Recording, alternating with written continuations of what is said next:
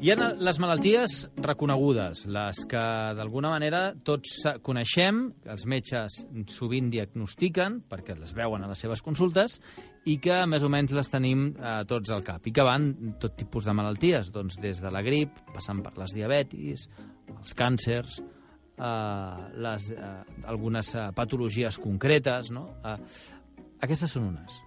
Hi ha les malalties minoritàries, que n'hi ha al voltant d'unes 5.000 a l'estat espanyol. Uh, malalties minoritàries són malalties que té molt, poca, molt poc percentatge de població, molt poques persones, i que, per tant, uh, les uh, farmacèutiques no investiguen, els laboratoris uh, mèdics no aprofundeixen en la seva, en el seu origen ni en la seva cura i que les famílies que tenen un malalt amb malaltia, malaltia minoritària sovint saben el, el, el tràngol que això significa. Però per això, no per això deixen de lluitar i no per això eh, deixen de, de treballar perquè, perquè es troba una solució. I després hi ha les malalties que ho són, que es reconeix que existeixen, però que encara hi ha professionals que es resisteixen a diagnosticar perquè no les consideren malalties o consideren que és la deriva d'alguna altra cosa. Avui volem parlar precisament d'aquestes malalties, que no són minoritàries, que pot ser que les tinguin moltes persones, però que no, no siguin en cap cas diagnosticades malgrat haver anat al metge i malgrat que les proves donguin positiu per a aquestes malalties. Perquè ho entenguem, presentem alguns casos. Ivan. Doncs sí, començarem fent referència, Josep Maria, a dues malalties poc reconegudes. D'una banda, la fibromiàlgia i de l'altra, la sensibilitat química múltiple. Per això, avui ens acompanyen la coordinadora psicòloga de l'Associació d'Afectats i Afectades eh, de Fibromiàlgia a Catalunya, la Isa Bartomeu. Isa, molt bona tarda, benvinguda. Hola, bona tarda, Ivan. I també ens acompanya en Manel Pardo, que és afectat de sensibilitat química múltiple. Molt bona tarda. Molt bona tarda, Ivan. Em comentàveu, ara mateix, abans de, de començar, que és una malaltia invisible, la vostra, literalment. Per què passa això? Doncs perquè hi ha molt poc reconeixement. És una malaltia que com no, no es veu, no té una visibilitat, no hi ha una aparença, no, eh, no se'ns pot... no hi ha una mala cara, no hi ha un, unes taques a la pell, no hi ha doncs, un, un braç trencat, no es podria veure, està enguixat, doncs al no veres doncs, no se li dona el reconeixement que cal. Però sobretot perquè hi ha una manca d'informació, no? I no només en general, no? sinó també eh, dins del col·lectiu mèdic, no vull dir tots els metges ni molt menys, no? però mhm. falta informació no? perquè sigui més reconeguda. Aquí volia, aquí volia anar. Uh, estem parlant d'una mm, malaltia poc reconeguda socialment per part de la societat, per part dels ciutadans, o més aviat per part dels professionals de la salut? Per, en general, però també per part dels professionals cal que tinguin uh, formació amb aquesta malaltia. Sí que hi ha personal que, que en té, no? dins de psicòlegs, psiquiatres i metges, no?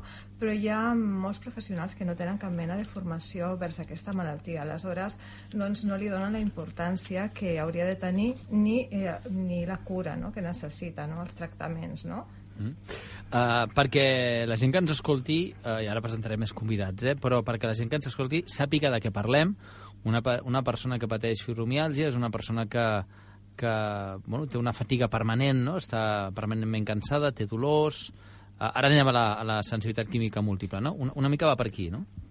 Sí, sí, sí eh, la fibromialgia és una fatiga que cursa un dolor crònic generalitzat, uh -huh. musculoesquelètic, i també una fatiga un, un, molt greu, no? un esgotament molt profund, a part també de trastorns del son, no? un son que no és reparador, uh -huh. que és un son fragmentat, i també té eh, molts problemes cognitius, com podrien ser problemes de, de, de pensament, de memòria, inclús d'atenció o sigui que té una sintomatologia molt extensa. Aquests són els símptomes més importants, no? però en té moltíssims més, la veritat.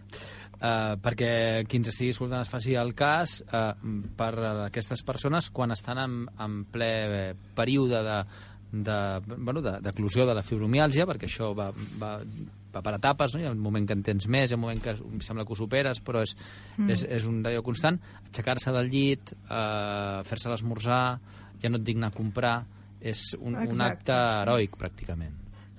Sí, sí, hi ha dies que quan està una persona en ple brot, doncs qualsevol tasca, per més senzilla que, que sembli, no? eh, doncs és una autèntica proesa realment fer-la, no? Mm. A vegades les coses s'han de fer una tasca que igual per qualsevol persona la, la podríem fer en un quart d'hora, doncs una persona afectada igual triga tres hores, no? Perquè ha d'anar a parar, fer desca no? descansar, eh, tot és molt més dur, la veritat. Mm. Manel, eh, sensibilitat química múltiple, eh, sensibilitat a qualsevol químic que pugui haver en l'ambient a la teva proximitat, no? Eh, sí, verdaderament sí. Jo puc explicar per la meva, de la meva part mm, la meva enfermetat. La meva enfermetat va començar fa 31 anys. Jo treballava en unes cabines de pintura i metalitzat. Vaig estar 4 anys treballant. Em van detectar una, va començar a detectar-me una hepatitis. Mm -hmm Eh, llavors, eh, vaig la, com jo tinc tres fills, tinc una família, jo la meva idea era seguir endavant, pues en aquella època, ara és dur, però llavors encara era més, creure-s'ho, vaig plegar de treballar, em vaig canviar de feina, he anat treballant en diverses coses, i ara ja fa uns 15 anys que he anat perdent molt, fins arribar al punt de que vaig en cadira de rodes, eh, camino uns 50 metres perquè em canso, perquè, clar, també tinc fibromialgia, fatiga crònica, tot això és un món, és, és una roda. I eh, eh, a mi els productes que en si em va atacar va ser els, els puri, pur, poliuretans, els dissolvents, el benceno, el benzol, i a partir d'aquí va començar. Mm, tot això va de, de, desencadenant una sèrie d'enfermetats. Mm, el primer que a part d'això de que tinc el fetge com si fos un alcohòlic, i mai he begut. Mm. Eh, tinc una colitis colàgena, que mm. dona unes molèsties al matí immenses, i bueno, tot el que ens ha dit la, la companya Issa, pues, de que al matí els problemes que tens i el dia a dia, doncs... i això ha anat degenerant mm fins arribar a un estat que, bueno, mm, els metges, eh, únic que en si em donen són calmants i eh, poca cosa més. Eh, mm. per l'estat anímic sí que em donen cosa, però bueno, això no cura, i els calmants tampoc, vull dir, no, no tenim una cura. O sigui, aquesta enfermetat que tenim com no s'investiga gaire, doncs no ens donen cap curació. A més, en aquest moment... Eh, clar. perdona? No, no, dic, a més a més, tu, Manel, eh, tens, un, tens una qüestió, escoltant-te, eh, tens una qüestió que és un afegitó, i és que ets home. I ho dic perquè sí. la, la fibromiàlgia s'havia lligat, majoritàriament afecta dones, eh, i s'havia considerat una malaltia femenina, eh, vist els pocs casos masculins que hi havia hagut, no? Ara comencen a detectar-se els primers, no? però clar, encara fa més complicada la, la teva diagnòstic, no? Pel fet de ser home, doncs fibromialgia un home, no? Sí. Uh, un 5% de les persones que, Clar. dones que tenen fibromialgia poden ser homes. Mm. Uh, els metges que m'han tractat i que creuen en l'enfermetat diuen que, a més, l'enfermetat és més agressiva en els homes. Mm -hmm. I, i això és el que tenim. En aquest espai de temps, jo porto dos anys i mig sense treballar, tinc una invalidesa, que te les donen per uns altres motius, però no per aquests. Llavors, pues, després d'haver treballat 40 anys i 3 metres sus, pues, m'han donat una invalidesa a la Seguretat Social per un 55%, i, i per l'edat un 20% més, però bueno, és vergonyós. Mm. Eh? Deixa'm presentar més convidats que, que ens estan escoltant. Me'n vaig cap a les Terres de l'Ebre. Judit, eh, amb, qui, amb qui estàs? Doncs estic amb Anna Belén, psiquiatra i cap de servei de la Fundació Premata de les Terres de l'Ebre, perquè si parlem de malalties poc reconegudes o poc valorades per la societat no ens podem oblidar de parlar de les enfermetats mentals. Bona tarda, Anna Belén. Hola, bona tarda, encantada. Ara aquí. fa un moment, Anna Belén, comentaves que és important que remarquem que no hi ha malalts mentals, sinó persones amb malalties mentals, no? que necessiten un diagnòstic i una atenció especialitzada. Sí, és important eh? tindre en compte que no, no existeixen els malalts mentals, no? sinó que existeixen persones que, que tenen diferents malalties, eh, malalties de diferents tipus, entre elles pues, la, fa, eh, la fatiga crònica, no? la depressió, bueno, la diabetis. Eh, bueno, eh, jo penso que eh, el metge té una obligació i l'obligació és conèixer i reconèixer totes les malalties i si no la coneix, perquè no l'ha estudiat prou, pues, eh, s'ha d'interessar i s'ha de formar, eh? és una obligació nostra. Bueno, jo, jo almenys jo me sento en l'obligació. Evidentment no podem estar uh, al dia no, de totes les malalties, però si tenem, tenim un pacient que té un, uns símptomes, pues, ens hem d'interessar per aquests símptomes i hem de fer un, un diagnòstic correcte. Molts, de, molts, molts usuaris que venen amb símptomes psiquiàtrics doncs, mm, veiem que no acaba de quadrar amb una malaltia psiquiàtrica i resulta que acaba sent un altre eh, tipus de malaltia i per això contactem amb, amb uns altres especialistes que ens poden ajudar mm -hmm. a, a fer un correcte diagnòstic. Eh? Això és molt important, poder comunicar-nos els diferents especialistes perquè potser ells ne saben més d'un tema que, que jo no coneixo tant, no? Mm. Però, bueno, mm, sobretot, sobretot hem de eh, conèixer i reconèixer totes les malalties, eh? perquè si no eh, estem eh, creant un, un, un estressor afegit en aquestes persones que estan patint, no? Mm. I jo penso que els metges estem per ajudar, no? Per a, per a, per a crear estrès a la gent. Anna Belén, eh, no, no sé si és el cas d'aquests, eh, de, de, tant de la Issa com del, del Manel, però sovint la gent que pateix fibromialgia, fatiga crònica i sensibilitat química múltiple i d'altres malalties, no només aquesta, sinó també d'altres malalties, eh, que, malalties d'aquest tipus, no? malalties que no es diagnostiquen o que hi ha metges que són resistents a diagnosticar-les, eh, entren en una roda. No? La roda és, eh, com que em trobo malament, eh, em costa molt fer la meva vida quotidiana i com que em costa molt fer la meva vida quotidiana entro en una mena de forat eh, i aquest forat em, em porta a una tristor i a una, no sé si dir-ho depressió, en tot cas, eh, deixa'm agafar la, la, el terme més ampli no, de, de depressió, no el terme més, més científic i més mèdic, i això eh, em porten al metge, i el metge no sap què posar al davant. Cada metge posa al davant una cosa o l'altra. No? Vostè es troba malament perquè està deprimit o està deprimit perquè es troba malament. I al final, a darrere d'aquesta història, aquesta gent pobra acaben no diagnosticant-los. No? És, és tot com molt complex. Bueno, això és el que no ha de passar. Però passa, mm. malauradament, eh? Bueno, mm, bueno, quan tenim davant un pacient no, que, que té una sèrie de símptomes no, que li ocasionen un, un patiment i molts està explicant, no, en, ells venen, molts d'ells desesperats demanant ajuda, no? A vegades me trobo en unes situacions no? que no té res que veure una malaltia psiquiàtrica, però la pròpia desesperació pues, los porta al psiquiatre, no? I el psiquiatre està una mica allí pues, pues, intentant pues, pues, eh, aclarir no? no? i dirigir en aquella persona pues, al lloc que toca, no? Perquè, perquè estem parlant de malalties molt greus, molt greus, no? Vull dir que una, una depressió és una malaltia greu, una fibromialgia, dic depressió com puc dir una altra malaltia mm -hmm. mental, no? Sí, sí. Una fibromialgia és una malaltia molt greu i que dona molt de, molt de disfuncionament, no? Aquí el company mm. comentava, no?, que li han donat un, un, un, una disminució per altres causes. Clar, no ho entenc, no?, perquè jo sí que tinc algun, algun pacient que té símptomes molt greus que li donen mo molta disfunció de fa fatiga crònica o de fibromialgia i que no li li, no li estan reconeixent, no? I, llavors, eh, clar, estan desesperats, però realment no és la malaltia psiquiàtrica el que li ocasiona este desfuncionament, sinó que, que és la fibromialgia, per exemple, no? I clar, això ho hem de, ho hem de reconèixer.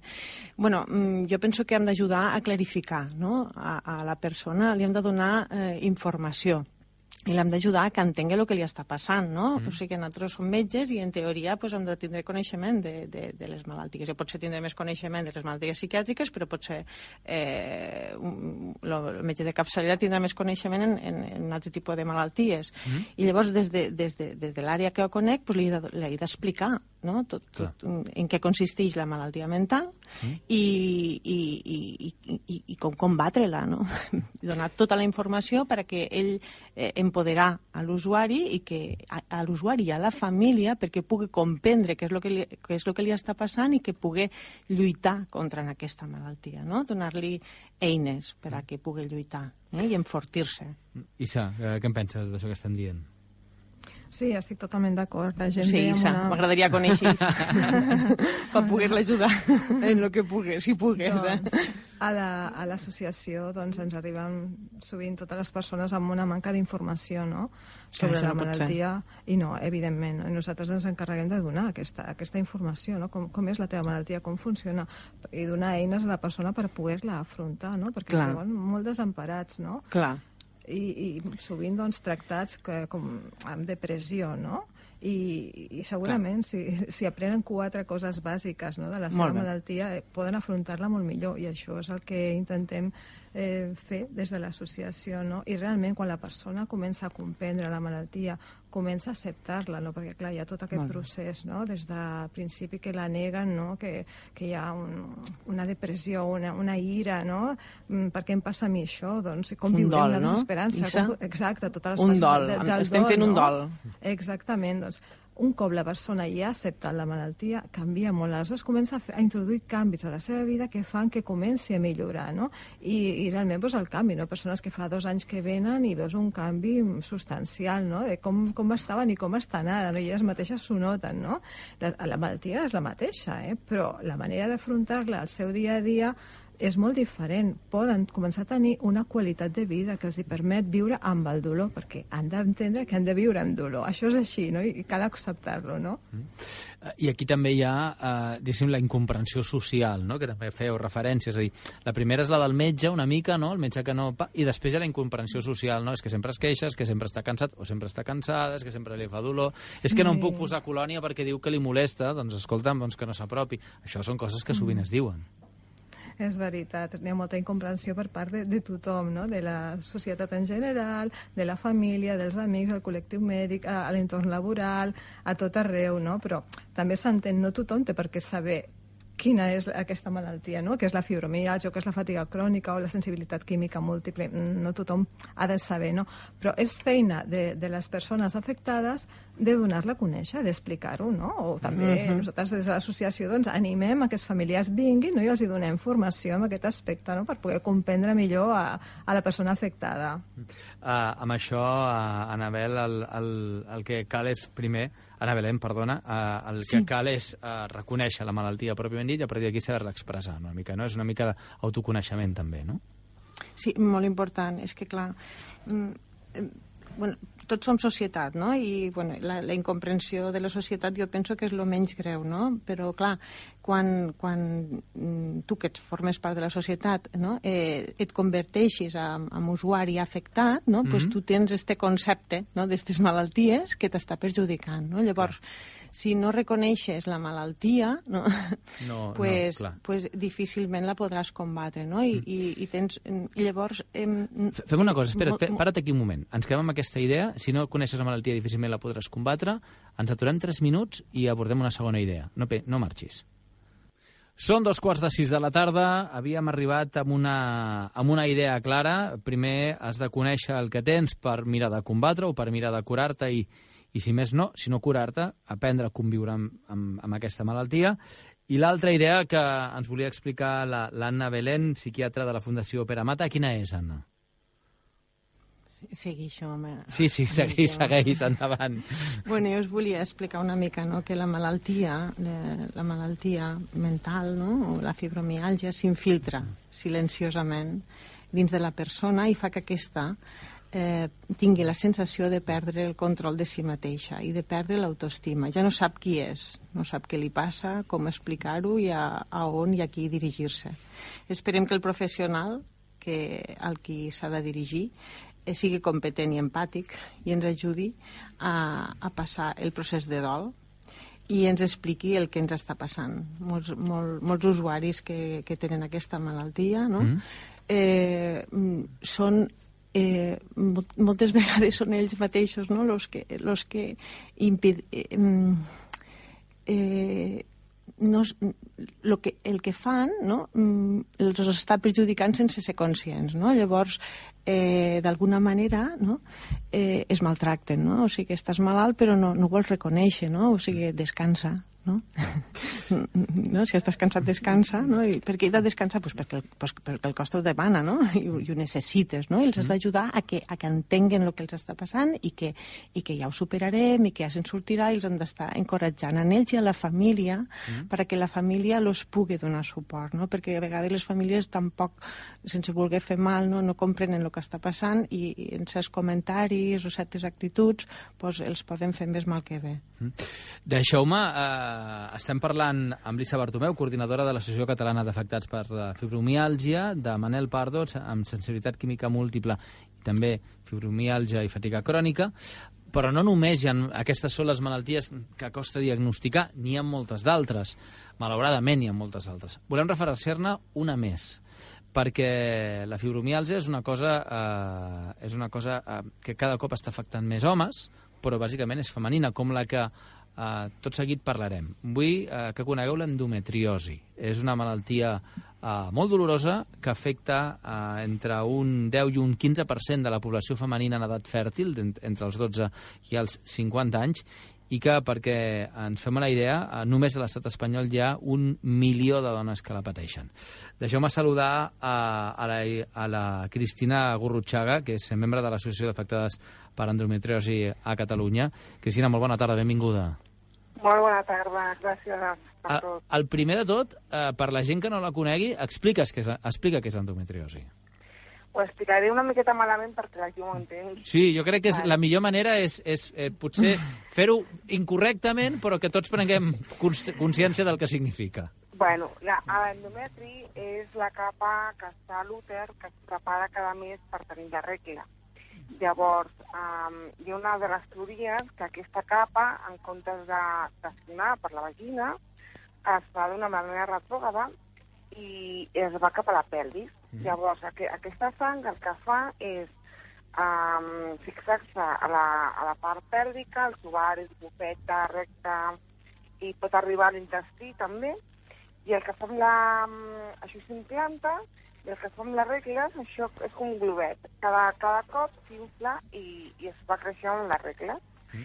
i provoca el que deies tu, eh, molt dolor, dolor pèlvic, dolor d'ovari, problemes a les miccions, dolor al defecar, dolor a les relacions sexuals, i un 50% de les dones que pateixen endometrosi tenen infertilitat. Mm. Doncs aquesta malaltia que és eh, així, eh, perquè no, no vull establir diferències, eh, i, i no vull que ara ningú se m'enfadi, eh, però la, la, la fatiga, el cansament, és una sensació, és un sentiment, però que no es veu en una radiografia, no?, per entendre'ns. En canvi, això que, estem, que està explicant la, la Cristina sí que es veu en una radiografia o sí que es veu en unes proves mèdiques, no? Doncs, malgrat això, hi ha metges que es resisteixen a diagnosticar-ho. És així, no? Sí, bueno, la mitja de... que n'hi ha ara mateix són entre 8 i 10 anys, més que res perquè és que la, la, els metges no pensen en endometrosi, i, i et diré que, bueno, com és una enfermedad eh, autoimmune, també moltes de nosaltres patim o fatiga o patim fibromialgia. Manca encara els, dificulta molt més eh, tot el diagnòstic de, de poder fer el, el diagnòstic complet no? d'endometriosi i alguna altra patologia associada. Mm. Per tant, eh, també acabeu eh, de desenvolupar un quadre de, de fibromiàlgia i, i, evidentment, també acabeu eh, desesperades, com, com molts malalts i malaltes de fibromiàlgia, perquè no hi ha manera de que s'us reconegui una mica aquesta, aquesta malaltia, no? Totalment, bàsicament perquè vas amb metge en metge, eh, els ginecòlegs no hi pensen, et diuen que ets una pluja, els pares, l'àvia, no? et diuen que també amb, amb ella qui feia mal, que prenguis un paracetamol, no? Pren un paracetamol i veuràs com se't passa. Sí, que sí? bueno, una camomilla, ah, et, pren, l'histèrica, que tens l'autoestima baixa perquè no pots ser mare, el teu entorn social tampoc ho entén, el, el tema laborable eh, al final ho amagues, perquè si no, clar, poden fer fora de la feina, i s'ha complicat molt i fa una càrrega social i mental també a la persona que ho sofreix. Mm. Uh, és, és, uh, és molt curiós i és, és com, com molt desesperant, no? Uh, I ara obro la pregunta a tots els que esteu a la taula, eh? els que esteu a Vilanova, com els que esteu a Terres de l'Ebre, com tu, Cristina, que estàs, que estàs al telèfon. Deu ser desesperant, no? És a dir, uh, perquè estem parlant de, de processos llargs de diagnòstics que finalment acaben us acaben diagnosticant. És a dir, estem parlant d'anys de visitar metges, d'aprendre vés a saber quantes coses, de que aquestes coses que aprens no et serveixin i vés a saber si te n'espaien unes altres. Eh, és així? Bueno, en el nostre sí, cas sí. Uh, hi ha un doble hi ha un doble vertient, no? Uh, primer, que és una forma de gènere, mm. amb el que la dona, si hi ha la família, l'entorn, no sé què, li diu que, que això és normal, la, la, també per una altra banda, la gent li costa um, dir a un metge que no té, no té raó, no? Llavors, hi ha aquests dos factors. i a sobre si comporta infertilitat encara més, no? No estem acostumades a, a posar firme, jo crec que un metge en aquest sentit, no? I dir-li, mira, jo no estic coixa, no, no, jo tinc dolor, o tinc fatiga, o tinc fibromialgia, perquè penso que les tres, encara que siguin diferents, estan interrelacionades, no? Clar. Això en el nostre cas.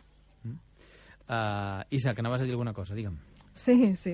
No, estic d'acord. Eh, a veure, és un procés molt llarg fins que et donen un diagnòstic. Eh? Són realment moltíssims anys. Eh? A vegades eh, hi ha persones que comenten uns 10 anys eh?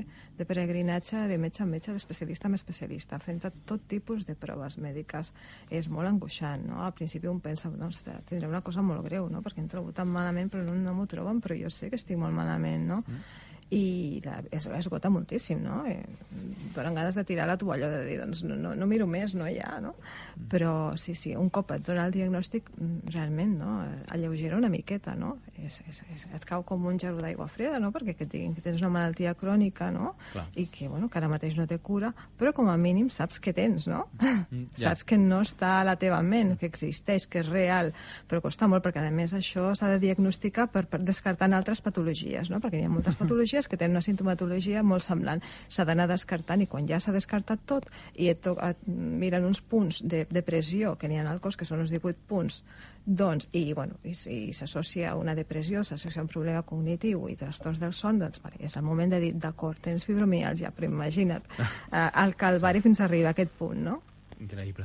Uh, que, per cert, uh, ja, que hi som, ja que hi som posats, uh, aquest és un, un procés en el qual el departament sovint fa molts anuncis, però després té molts anuncis de, de suport, d'ajuda, de tal i de no sé què, però que després la cosa queda com, com allà, no? Uh, no, no a la, en el dia a dia, a la sanitat bàsica assistencial, encara hi ha resistència. Vull dir que de vegades el que es diu i el que es fa Cert. hi ha una certa diferència.